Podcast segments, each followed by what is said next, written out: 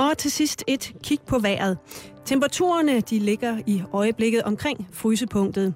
I nat der kommer de til at ryge ned til 3 graders frost. frost.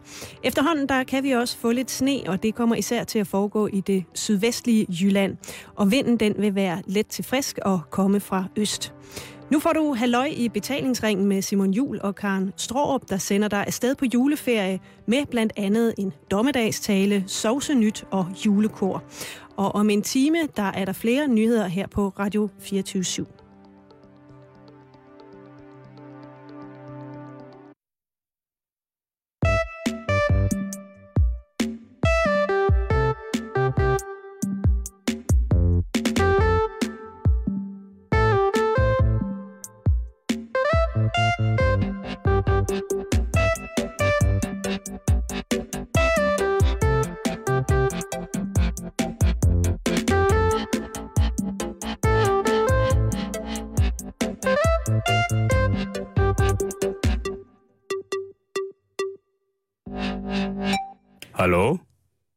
Hallo? Hallo? God eftermiddag og rigtig hjertelig velkommen til øh, denne, den måske sidste halløj i betalingsringen nogensinde ever. Øh, det er den 21. december, og øh, det er ifølge mange mennesker dommedag. Det er nu, de kommer ud fra rummet. Det er nu, at, øh, at øh, Sibalba genopstår igen. Jamen, der er mange ting, der kunne være, at det her måske er det sidste halløj i betalingsringen nogensinde, Karen. Måske er det faktisk sidste gang, at du øh, lytter til Radio 24 Der er nogen, der vil sige, at de så sidder i held, og der er andre, der siger, at det var dog en skam, og så er der nogen, der siger, hvad fanden snakker de om? Ja. Alt det og meget mere, det kan du få, øh, få lyd for sagen for her i løbet af de næste 54 minutter. Rigtig hjertelig velkommen. Simon, Karen? som du lige nævnte, så Mhm. er det jo den 21. december. Og der er nogen, der vælger at se meget sort på det. Ja. Og så er vi andre, der tænker, nu er der kun tre dage til jul. Ja, og, jeg, og, og lur mig, om ikke du hører mest til de sidste. Det skulle jeg mene. Ja, det stråler ud af dig. Øh, men det betyder jo, at vi skal åbne lov 21 i vores komplimentsjulekalender. Det skal vi i hvert fald. Er du klar til det? Ja, det er jeg. Skal vi lige udveksle? Jeg får lige her. Værsgo. Tak. Altså, jeg, jeg, jeg har virkelig dårlig hukommelse, fordi jeg kan aldrig huske, hvis tur det er til at åbne en låge først. Jamen, øh, jeg ser jo porno, og det ved du godt, hvad det betyder. At du husker noget godt og andre ting dårligt.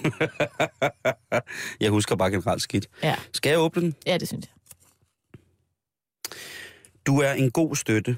For eksempel, at du tager dig tid til at høre min korkoncert. Det betyder helt vildt meget for mig. Jamen, det er altså meget nemt, Karen. Og tak for en fantastisk korkoncert i går aftes. Jamen, selv tak. Ja, kære lytter, hvis øh, du ikke lyttede med i går i Halløj Betalingsringen, så kan jeg oplyse dig om, at jeg i går i Borsundskirken i København, en kirke, som jo også har været meget presseomspundt i henhold til at give ly for øh, alskens mennesker, som har brug for det, der optrådte Karen i går med sit rytmiske kor, og det var... Ja, det er jo noget, man hører om i tid og udtid, ikke? Det snakker vi om, at du har været til kor og sådan Ja, og ja. sager. Og der fik man bare, øh, ikke syn for sagen, men lyd for sagen. Og det var en skidehammerende god korkoncert, Karen. Ej, tak. Og øh, ja, det var det sgu. Og kære lytter, lur mig om ikke du, som nogle af de første i dansk radio, kan høre sondkoret senere i programmet. Optaget live i går. Mm. Men tak, Karen. Det er, og, og i lige måde egentlig. Men, Ah, men du ved, det er, lidt, det er lidt med de der ting. Altså, det vokser man... Nu siger jeg mand. Mm. Det vokser jeg aldrig fra. Det der med, at det betyder sindssygt meget for en, når der er nogen, der gider komme og høre en optræde. Altså, jeg kan huske, da jeg startede til violin, for eksempel. Lille Karen. Og, og da, jeg havde ikke gået til det så lang tid, før der var koncert. Og selvom det lyder anderledes, så betyder det bare helt vildt meget for mig, at for eksempel dengang, at der kom mine forældre og hørte mig. Og, Mm. og det samme, altså sådan, det er lidt, det, ja, det betyder bare sindssygt meget for mig, at der er nogen, der gider komme og høre mig optræde. Eller synge kor. Så det, øhm, du er en god støtte, fordi at du om nogen har en pakket kalender, alligevel tager en time ud for at høre mig synge kor. I en kirke. I en kirke, ikke mindst. Ja, men det var, øh, det var en, en time givet, ej, et par timer givet fantastisk ud. Det, det var skide hyggeligt. Nå, nu vil jeg læse dit Mm. kompliment. Gør det. Åh, du gør mig så stolt. Ja, Karen. Det gør du sgu. Jamen det, øhm, Tak. det er jo tit, når man øh, får komplimenter fra lytterne, så er det, når man møder folk, eller sådan, så siger de, det er sådan et dejligt program, og øh, hvor er hende Karen dygtig, og hvor lyder hun sød og dejlig, og alt, alle de der plusord, som jeg måske ikke er så god til at sige. Og så bliver jeg fandme så stolt over at lave radio med dig hver dag. Det er meget, meget nemt at gå på arbejde hver dag, og det skal du have dig en kæmpe, kæmpe stor tak for, fordi at det er, du er pissegod, og, øhm, og klog, og sjov, og det gør det hele tiden meget nemt. Så jeg er meget, meget stolt, når jeg siger til folk, ja, det er vores radioprogram. Det er jeg meget stolt af. Tusind tak, Simon. Selv tak, Karen Storp. Ej, men og, altså, igen, i lige måde. Jeg er da også mega stolt af at lave radio sammen med dig. Så det, øh, det var ligesom... Jeg tænkte, at hvis jeg skulle give dig et kompliment, inden jorden går under, så var det sgu nok meget... Du ligger på, på dødslejet i dit livs efterår. Karen. Ja. Du gør mig stolt. Ja. Ej, Karen, så begynder jeg næsten at græde. Karen, det- tak for alle de timer, vi har haft i radio. det var... øh, Tak for gode som for... Er det Subidua? Jeg kan ikke huske, hvem der har skrevet den, med den der sølvstæng i de gyldne lokker, som man altid synger Ja. til Sølvpind. folk, der bliver gamle. Ja, ellers så synger man den nede i piercingbutikken, som hedder Sølvpind i de gyldne klokker. den har du aldrig hørt? Nej, men Nej. den var god. Ja, det ved jeg godt. Det var, Du er god. Ja. Hvad er det nu? 1, 2, du er god. 1, 2, du er god. Citat til Roland Torben. Øhm, men Karen, det er jo den 21. december i dag. Det er det. Og øhm, jeg har i hvert fald et par sms'er fra øh, gode venner øhm, fra i nat af, hvor de skriver, hvor meget de elsker mig. Og øhm, det kan selvfølgelig godt være på grund af, at de har været påvirket, men det kan også være, fordi at øh, nogle af dem tror lidt på det her. Ja. Jeg har heldigvis fået beskeder fra nogle af dem, om at de er vågnet op i dag. Jeg har det ganske udmærket. De Men, har øh, ikke kastet sig ud over en eller anden klippe et sted i Frankrig. Men jeg tænker, at... Øh, nej. Men jeg tænker bare lige, at øh, sådan en dag... Jeg har altid drømt om at holde en dommedagstale. Ja, Altså sådan en tale, hvor at nu skulle man, det eneste, man skulle forkynde, det var, nu skal vi alle sammen dø. Og, og det, kan, det kan godt være, at det er lidt negativt øh, for nogen her i den her juletid. Men eftersom at, at, at det er vores program, så tænker jeg, at jeg tager mig den frihed og vil holde en dommedagstale til alle mennesker, der sidder derude ved radioen og venter på, at de bliver opslugt af et eller andet. ved du hvad, Simon? Det synes jeg er så fint. Så, så vi skal lige have... have, Skal vi have lige stemning? vi skal lige stemning. Godt. Ja, Er du klar? det er jeg. Og da er dagen oprinden. Alt vi kender som liv skal denne dag ophøre, som vi kender det. Kinichiahu forbyder os fra i dag at betræde denne planet som tænkende, selvstændige individer. Den store stjernes altudslættende hovedstråle skal snarest samle sig fra samme stjernes indre og gennemskinne og ødelægge alt. Tegnene fra den tredje profeti kan vi ikke benægte. Jordskælv, tørker, krig, død og ødelæggelse. Planeternes virken lader os ingen noget tilbage. Degenereringen af os selv som mennesker gør os uværdige til at gå i den store Majas fodspor. Sibalba venter blot på at åbne sig, og en sky af fortabte sjæle, straffet ondsinde ånder og vores egen afføring, skal vi i kataklysmiske smerte se verden blive opslugt af sig selv, som det nedværdigende sted, vi har gjort det til. Popol Vuh har talt! Sproget er utvetydigt. Dødsdæmonerne i par. De tager deres endelige hævn. Længe troede og bad vi for, at disse ej igen kunne betræde vores jord. Ej mere skulle vi frygte disse dødens hjælpere. Men dommens dag er her nu. Dæmonerne står for døren, til deres tid er kommet. Men sygdomme eller u- med sygdomme u- eller utænkelige ting vil de krænke vores liv, vores kærlighed, vores medmenneskelighed tusindfoldigt. Skammens skygge, hævnens kolde blå ild skal skænde os til et sted af frygt og blodskam. Her kan ingen elskes. Her kan intet leve. Her er alt dødt, og her er vil ingen blive tilgivet. Tiden er nu inde. Kinichiahu. tager nu retmæssigt sit offer. Sibalba genopstår med sin her af nådesløse dæmonpar. Hun kan med, og Bokub kan med. Slutter nu dette. Denne vores tid er nu slut. Åbn dig, menneske! Lille ubetydelige menneske! Det evige mørke skal nu være din fortabte skikkelsesfængsel. Kun én ting kan frelse dig fra dette. Kun én modstand har vi tilbage imod kataklysmens undgåelige færd ind i vores hjerter. Fold hatten af blødt aluminium. Fold hatten! Lad den spidse hat af metal bryde dit hoved og gem dig under spisebordet. Cirka klokken 18. Vent i cirka en 7 minutter. Til da er du frelst!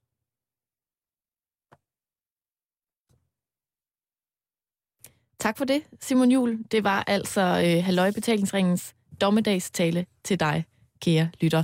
Nu synes jeg, vi skal videre i programmet, og øh, det er jo blevet fredag endnu en gang, og derfor er det også tid til vores lille programserie, der hedder Mikkel og et menneske. Og her kommer første del.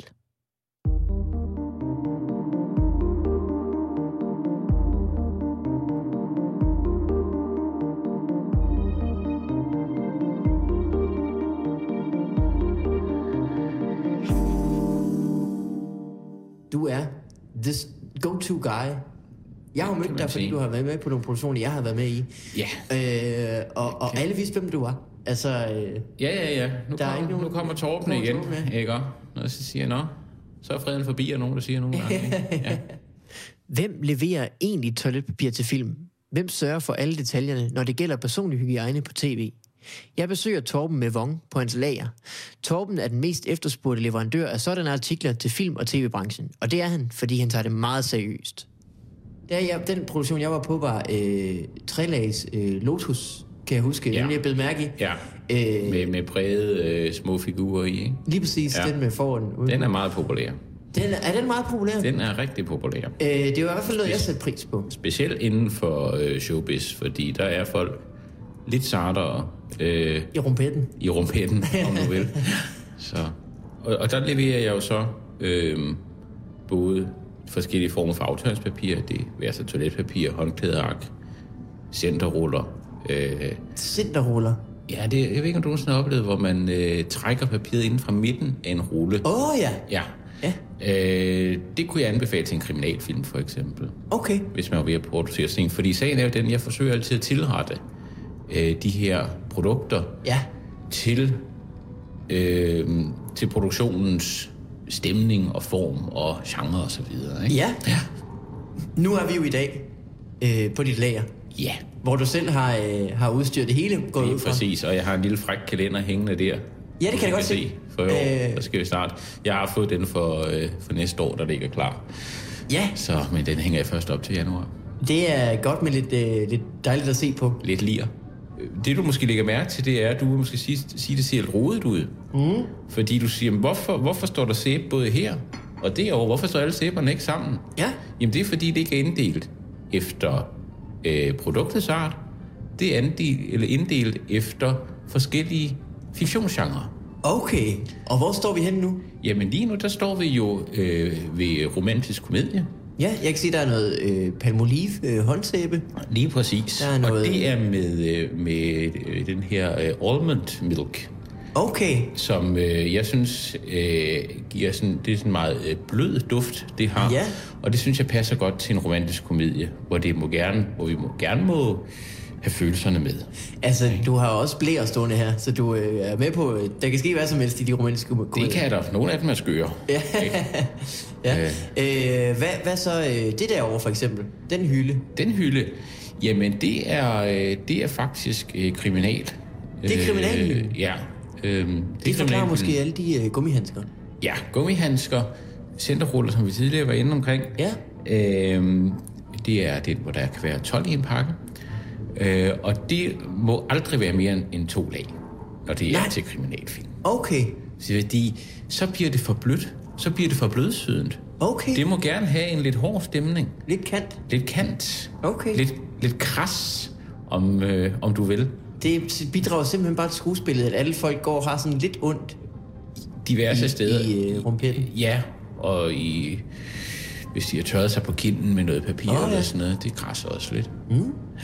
Om det er, du har simpelthen sådan et overblik, og det er jo det, der gør, at du er Ja, øh, ham, man ringer til, når man skal bruge sådan noget. inden for den showbiz, Torben har fået det meste af sin viden ved at prøve sig frem i sit eget hjem med sin egen familie.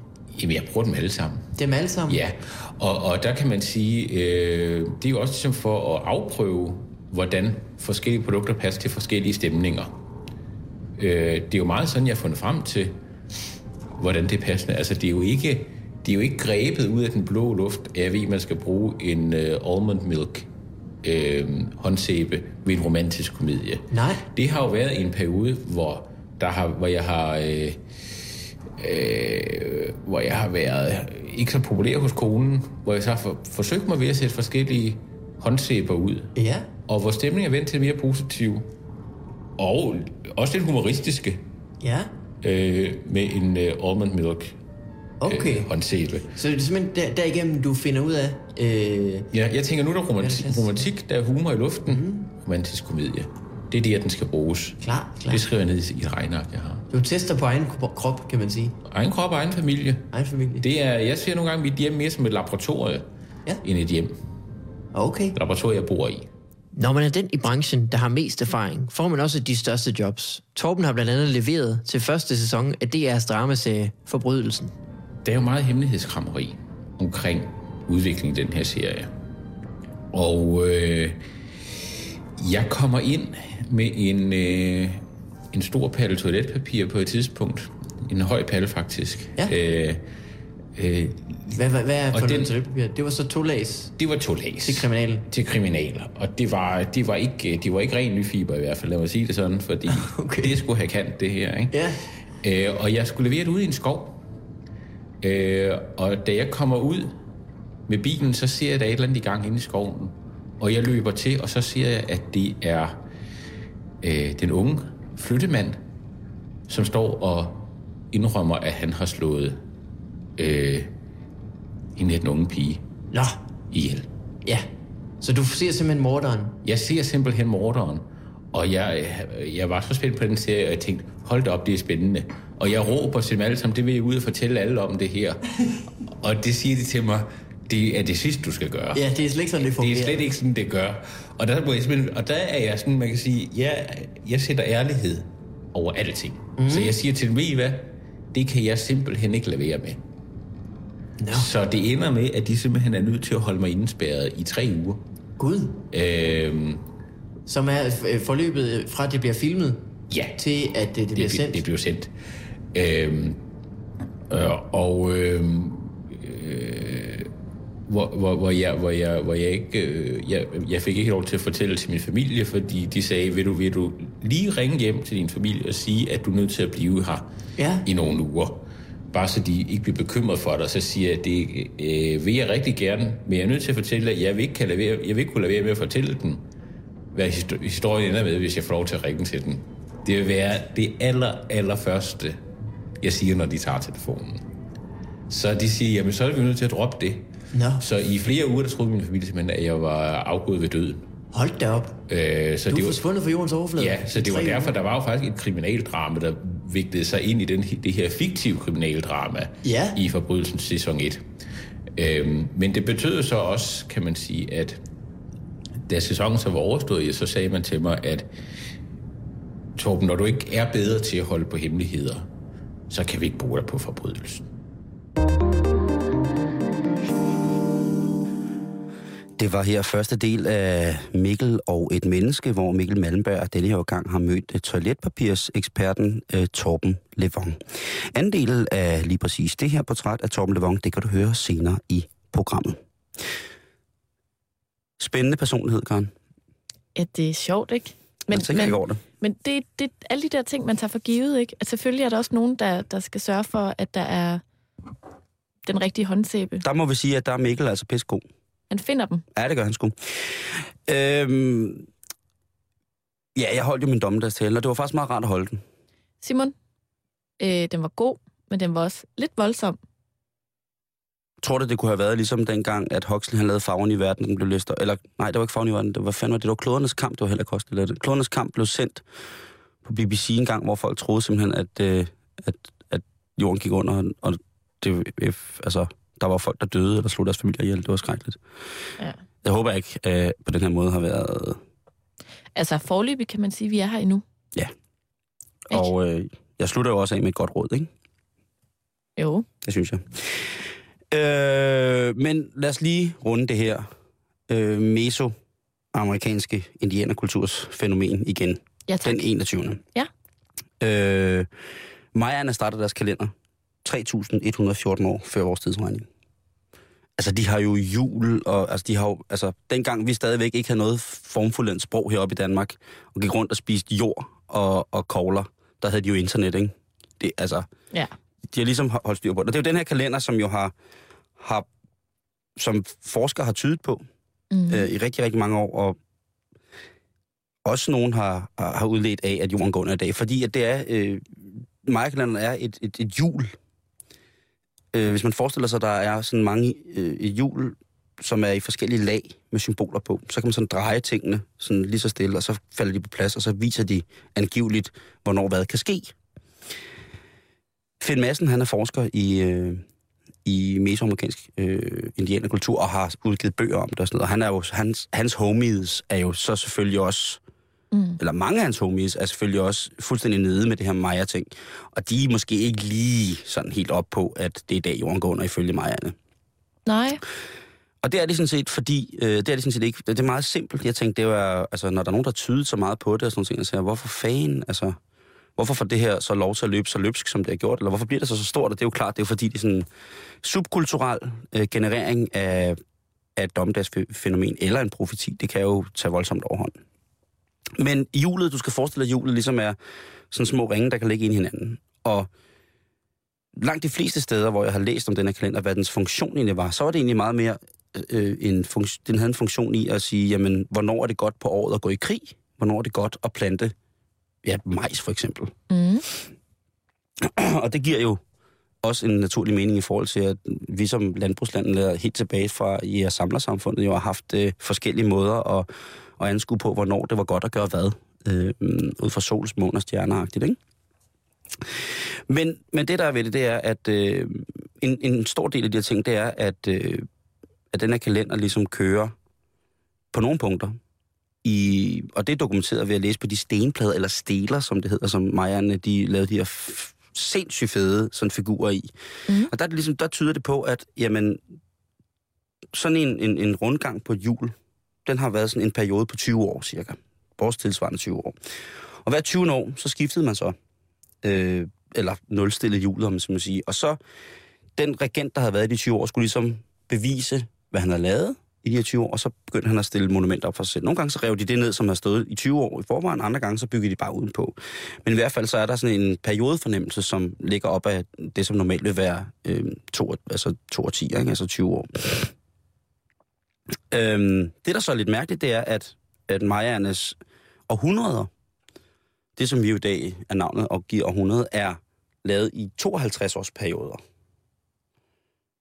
Lidt mærke, en lidt mærkelig ting. Jo, lidt. Ja, det er lidt mærkeligt. Og, og der, derfor, fordi der er, at århundrederne er så korte, så er der jo ufattelige mængder af dem. Altså, hvis deres tidsregning starter 3.114 år før vores tidsregning, så kan du godt... Så kan, og det, og, det, du kender mig i matematik. Ja. Jeg skal slet ikke begynde at bevæge mig ud i det der. Øhm, det er cirka dobbelt så mange århundreder. Og i, der, i, i, den her, i de her århundreder, der er den her kalender jo blevet drejet og vendt hele tiden, og sådan nogle ting og sager, og der er blevet forudsagt alt muligt mærkeligt. Problemet er, at i mange af de arkeologiske undersøgelser, der har lagt grund for måske at kunne udtale sig om, at der var en myte om en dommedag, øh, det er kommet fra stentavler, hvor man ikke har kunne datere århundredet. Datoren har kunne dateres, men århundrederne har ikke kunne dateres. Mm. De har simpelthen ikke kunne have styr på, hvilke århundrede, øh, der er skrevet hvad i. Nok også fordi, at mange ting i den Maya-kulturen tyder på, at jamen, de har taget det sådan dag for dag. Og hvis. Ja. de havde lavet et kalenderudløb for 500 år, øh, med at jamen, nu er der 500 år til, det hele stopper, så har det været med den tanke, der hedder, at det er 500 fra år, år ud i tiden. Der er ikke nogen af os, vi går ikke, altså, der er ikke nogen af os indianere, der Det er, er her. sådan for at drille lidt. Det er en lidt dårlig joke, ikke? Det er, det er en joke fra fortiden, Simon, Ja, det er der det. indhenter os nu. De sidder, Øh. de sidder sådan her og gør sådan her. Nej, nej. Et eller andet sted. Hold kæft, hvor er I dumme. Og, øh, og, og det gør, at øh, nu, nu har jeg læst ufattelig mange artikler om det her, Mm. og øh, kommer frem til, at langt de fleste mennesker, som til daglig professionelt arbejder med de her tydninger af, af steler, øh, maya-steler, øh, det mesoamerikanske indianerkulturelle samfund i det hele taget, er sådan lidt, at ja, det... Altså, Mayaerne havde jo også beskriv, beskrivelser af, hvad der skete før deres tid, ikke? Så der, du ved, millioner af år før deres tid, Mm har de beskrevet ting, der sker, ikke? Og så går ting jo for at være fakta til at være myter, eller til at være overleveringer, men de beskriver nærmest selv, at de ikke har levet på det tidspunkt, men at de højrestående væsener, underverdener og så videre har været med til at bygge og sådan noget. Så er vi ude i riter, så er vi ude, eller myter og riter, så er vi ude i noget religion eller et eller andet, øh, hvor de simpelthen er. Det, der er sjovt, det er, Mhm. de har også beskrevet, hvad der sker millioner af år efter dem. Og det er jo ikke særlig altså, godt sammenfaldende med, at de så også mener, at vi skal udslettes i dag. Nej. Jeg synes, altså, i det hele taget, så viser det jo bare, at det er lidt utroværdigt, måske.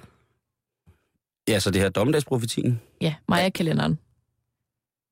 det, det, vil, det vil jeg ikke. Jeg, jeg, jeg vil sige, at Maja-kalenderen er fantastisk, og jeg vil sige, at det, man læser, det jeg har læst om den kultur, er sindssygt vildt.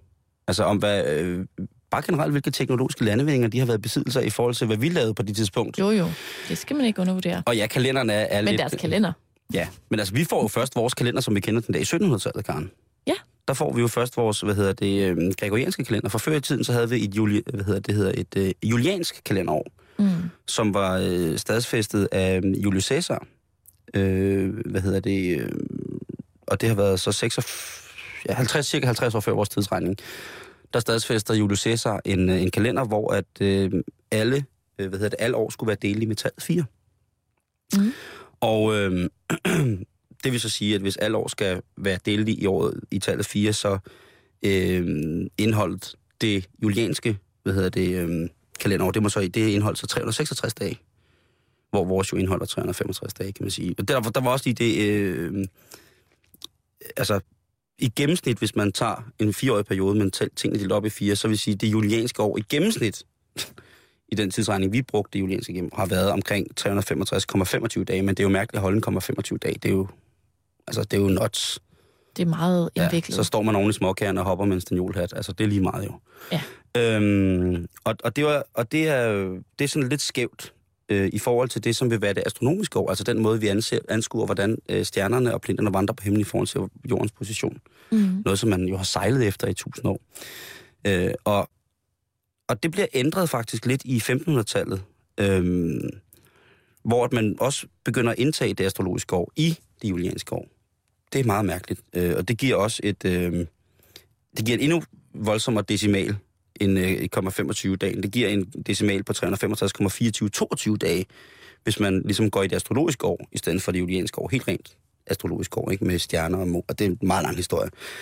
Øhm, og det, det gør jo, at, øh, at der i 1500-tallet fra, hvis man siger, at det astro, astrologiske år blev talt fra 46 år før Kristus, hvis man så kommer frem til, øh, det må så være 1500-tallet, så må, at, må der være, numerisk vil der være en afvielse på 10 døgn, nogle gange imellem årene, og det er jo det er lidt mærkeligt. Der kan man ikke rigtig overskue. Vel, De der, den der decimal, øh, 24, 0,2422 må så nødvendigvis give en længere, over en længere tidsperiode en forskydelse af, af dage. så du Ja. ikke rigtig bruge sådan noget. Heldigvis, Karen, Ja. så øh, skal vi faktisk øh, tillægge vores kalenderår øh, skyld, greve, Grækker, den 8. Åh, oh, det var det dejligt. Ja, fordi i 1582, der er han fandme træt af det der kalender, ikke? Mm. Han, den kan ikke synkes op. Nej. Og de, det, det er store ruller, og det er bøger, der vejer meget, og man skal altså 10 døgns ekstra kalenderår, jamen det kræver jo et æsel eller et større trækdyr for ligesom at foranstalte transporten af sådan en kalenderoversigt. Øh, oversigt. Han er træt af pis, han gider ikke mere, han vil godt have det skåret ned en gang for alle. Så, og dengang der havde kirken jo, altså, det var bare en kæmpe stor kirkepæk, der bare var ud over hele, og hvad, hvis man sagde noget grimt, så kom de og slog med den, og det var forfærdeligt, ikke? Det var godt, du ikke levede dengang. Ja, det vil jeg sige. Øhm, han, øh, han laver vores kalender, som vi kender den dag, i 1582. Øhm, og den kalender bliver officielt indført i Danmark i år 1700. Så, øhm, men altså, vi har jo også... Han skulle tilfredsstille nogen, ikke? De der decimaler kunne jeg ikke bare smide væk, så han har arrangeret det sådan med en god blanding af den astrologiske og den julianske kalender, sådan så at der, vi har vores skud over hver fire år. Ja. Øhm, men til gengæld er år delig med 100 ikke skudår. Så stadig lidt matematik, men, øh, men en meget fornuftig mand, ikke? Jo. Øh, Sikke en masse matematik. og faktisk så den her beregningsmetode med, at, at der ikke er, øh, hvad hedder det, at der er skud over hver fire år, øh, men årene ikke er delige med, altså, nu skal jeg lige passe, hvad jeg siger. Det der med, at vi har skud over hver fire år, øh, men til gengæld har øh, år delige med, med 100 ikke skudår, det giver os jo sådan en, en, hvis man skal være helt konkret, så giver det også, også en, en lidt skæv årslængde nogle gange.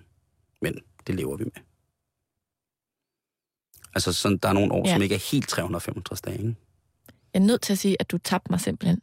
Okay. Det, der var for mange tal. Men Okay. det, men, Julius Caesar, Ja.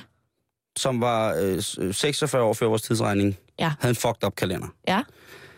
Øh, alle mulige andre steder i verden, der havde man astrologisk kalender. Ja. Det var også pænt fucked up.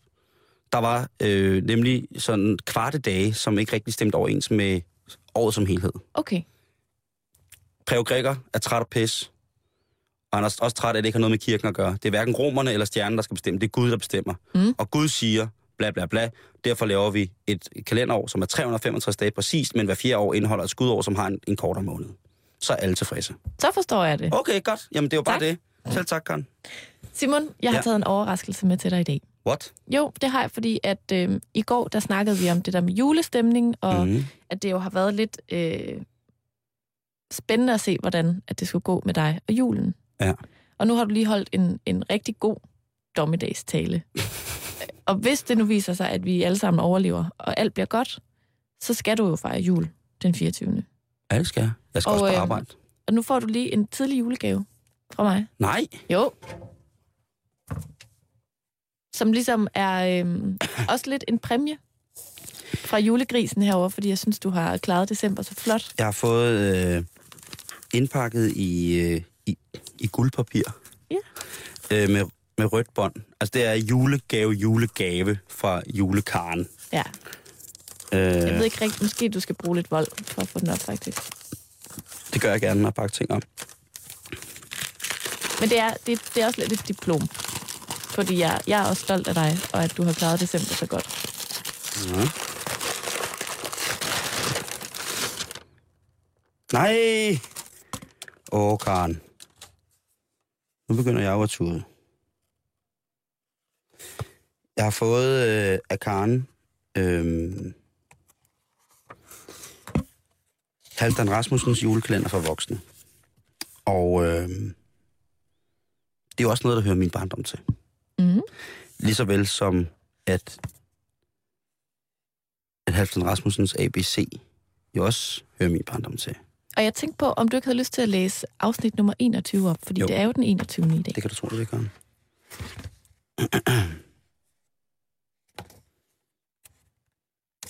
Der er patter på den 20. december. Jamen, det er lidt det, jeg tænkte, at fordi selvom man siger, at, at julen er, er børnenes fest, så tror jeg alligevel, du skal have en voksen julekalender. Et meget mærkeligt billede. Her øh, den 21. december. Det er to virkelig volumøse kvinder, som ligger omfavnende en lille bitte bitte mand. De har sænket deres øh, bryster ned over hans ansigt, så man faktisk kun kan se hans øjne. Altså, man, kan, man kan faktisk se hele hans ansigt, men resten af hans krop på nær hans fødder er dækket ind af de store, svulstige julekroppe. Men her, der får du den 21. december fra Halvdan Rasmussens julekalender. Et hår på brystet som værn mod kulden er ikke nok, når det fryser hårdt. Jeg tog en snaps og blev varm og ulden, og flere snapse drev kulden bort. En tøs i sengen, når frosten bider, er ikke nok for en kuldskær mand, så jeg fandt frem til et par omsider, før jeg var hjemme i Nisseland. Treenighed i en enkelt køje er mere end nok for en mands fysik, hvis man vil lukke et enkelt øje og være ensom et øjeblik. For man kan nemt nok få sjælen rystet og have lidt svært ved at skifte gear. Så fremt man kun har et hår på brystet, en enkelt seng og to varme piger. Det handler om trekantseks, Karen. Og det handler også lidt om dem, der ikke har så meget hår på brystet. Ja, det kan jeg da godt regne ud. Det er en hensynning til, at jeg ikke ejer kropsbehåring. Du har kun et hår. Ja, det, og det sidder mellem mine to øjenbryn. Karen, tusind tak. Den er jeg meget, meget, meget, meget, meget, meget glad for. Det kan være, at du lige skal øh, kigge lidt i den og sunde dig lidt, og lige øh, komme til hægterne, mens at vi, øh, vi hører anden del af Mikkel og et menneske. Hvad synes du? Det synes jeg er en rigtig, rigtig god idé. Så kan jeg også lige komme over og give dig en krammer. Det kommer her, anden del. Jeg besøger Torben med Vong på hans lager. Torben har leveret toiletpapir og andre hygiejneartikler til alverdens film- og tv-produktioner, og er the go-to guy inden for sit felt. Her fortæller Torben, hvorledes hans arbejde for eksempel gjorde en kæmpe forskel i quizzen Det Svageste Led. Og der var en virkelig hård stemning. Ja. Virkelig hård. Og der gik jeg simpelthen ind, og øh, jeg tog teten fra starten af. Jeg gik ind til, til Danmarks Radio og sagde, ved I hvad? Det her, det skal være det hårdeste papir, I nogensinde har fået. Mm. Så jeg var simpelthen inde, og, og, og, og øh, jeg, jeg leverede samme papir, der som man leverer til de danske fængsler. Gud. Ja, fordi der var så benhård stemning. Det var, jeg mener, det var Trine Gregorius, Ja. der stillede spørgsmål til de her stakkels øh, Menneske. quizdeltagere. Ja. Ja. Øh, og og øh, hun var så gemen over for dem, ikke? Ja.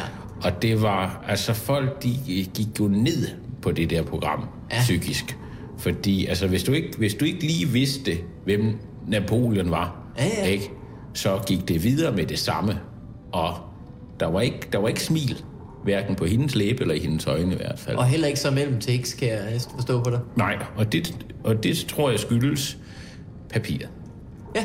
Og den, øh, den, det, var, det var ikke alene duftløs sæbe. Det var, det var det der, hvor man, hvor man kommer i en maskine, hvor man, der klikker, hvor der så Ja. kommer sådan noget øh, sæbekrymmel ud. Åh oh, ja. Det, er sådan, det, det, det, det bliver ikke solgt meget i vores dage, men det findes Ja. stadigvæk. Øh, og øh, der var, det var simpelthen, altså det var, det var som at være i fængsel, backstage-lokalet ja. der. Og det var den stemning, man gik efter. Og der var det simpelthen dig, man hævde fat i, for ligesom at sørge for, at ingen kom ud på sættet og havde lyst til at Det være var venner. den opgave, jeg påtog mig i hvert fald. Ja, okay. Også fordi, øh, og jamen, jeg gav den da også lige en bønne mere, kan man sige, i og med, at øh, jeg lagde diverse håndvåben, øh, eller slagvåben i hvert fald, øh, Okay. øh, frem.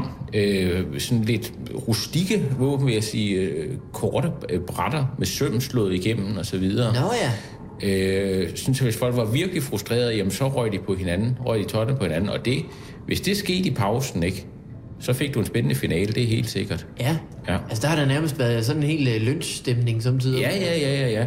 Der var en, øh, en mand, som, som satte sig oven på øh, en af de andre deltagere øh, og tog kvælertag på ham. Gud. Og han, han, han lå faktisk i koma i tre uger det efter. Nå. Øh, Alt sammen på grund af dit toiletpapir. Ja, og, og de, de, Og de øh, slagvåben. slagvåben, jeg lagde ja. frem. Ikke? Men, men sådan, det er prisen, du betaler, når du laver tv. Ikke? Også den nu legendariske tv-serie Taxa med blandt andre Peter Gansler har Torben haft fingrene i, hvilket han husker tilbage på med stor glæde. Og det var en pragtfuld tid.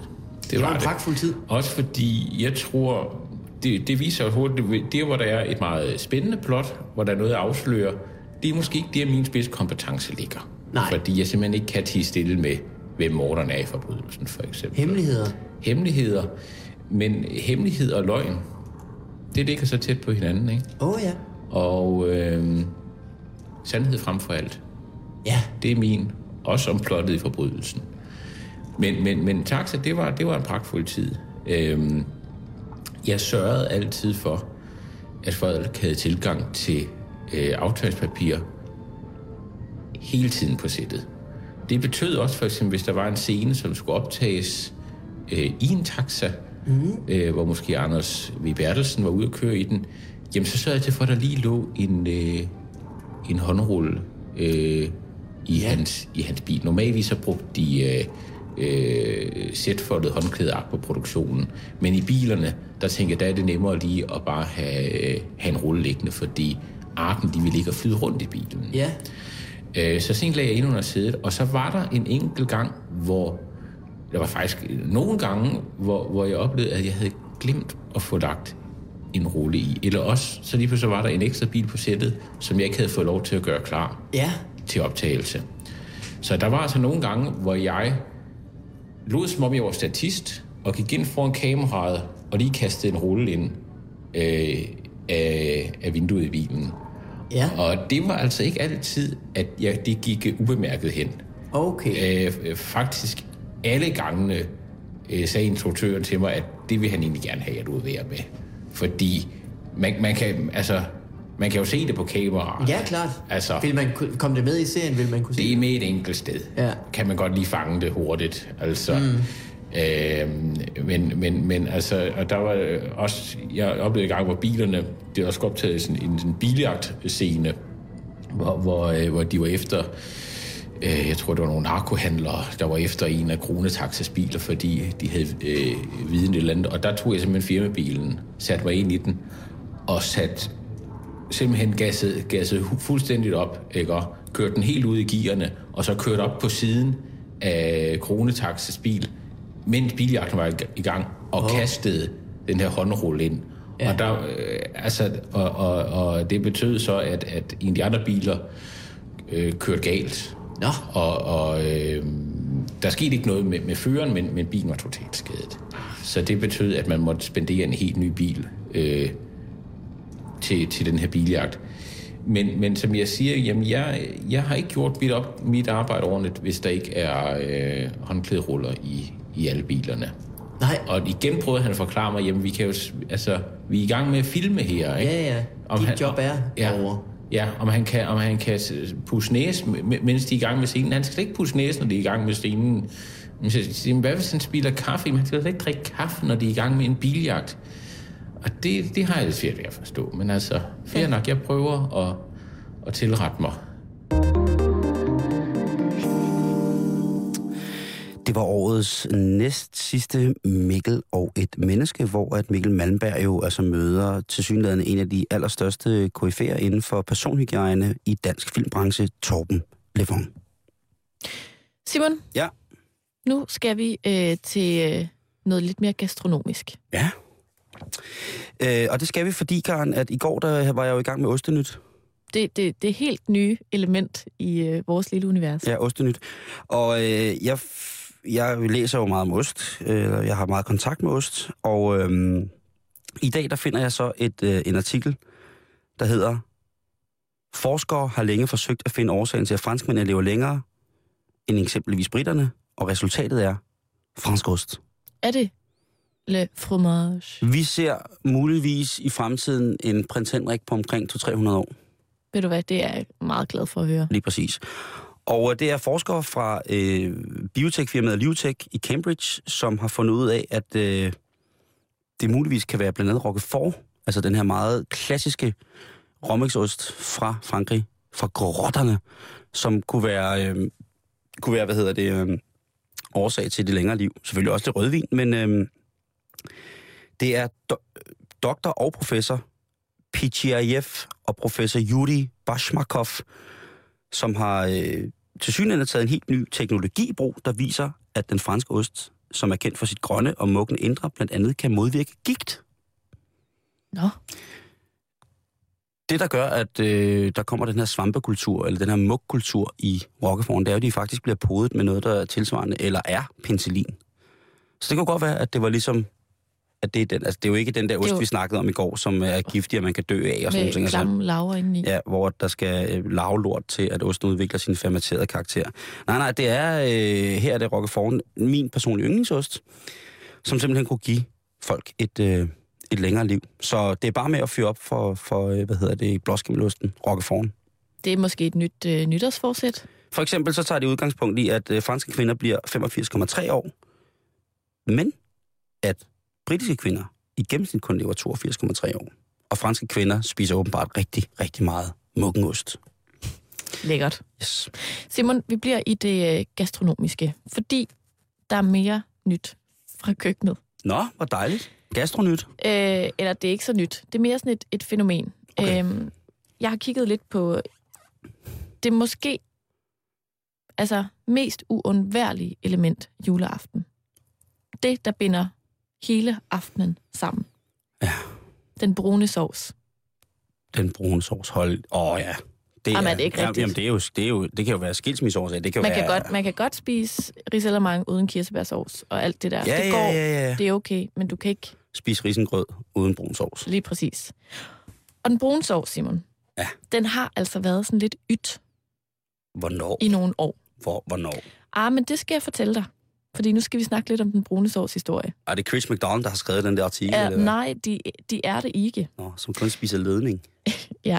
Nej, men det er fordi, at brun sovs, det har sådan lidt været, det har været sådan et symbol på noget sådan gammeldags, og noget usundt, og faktisk noget, man har set lidt ned på, mener eksperter. Fordi den var brun, eller hvad?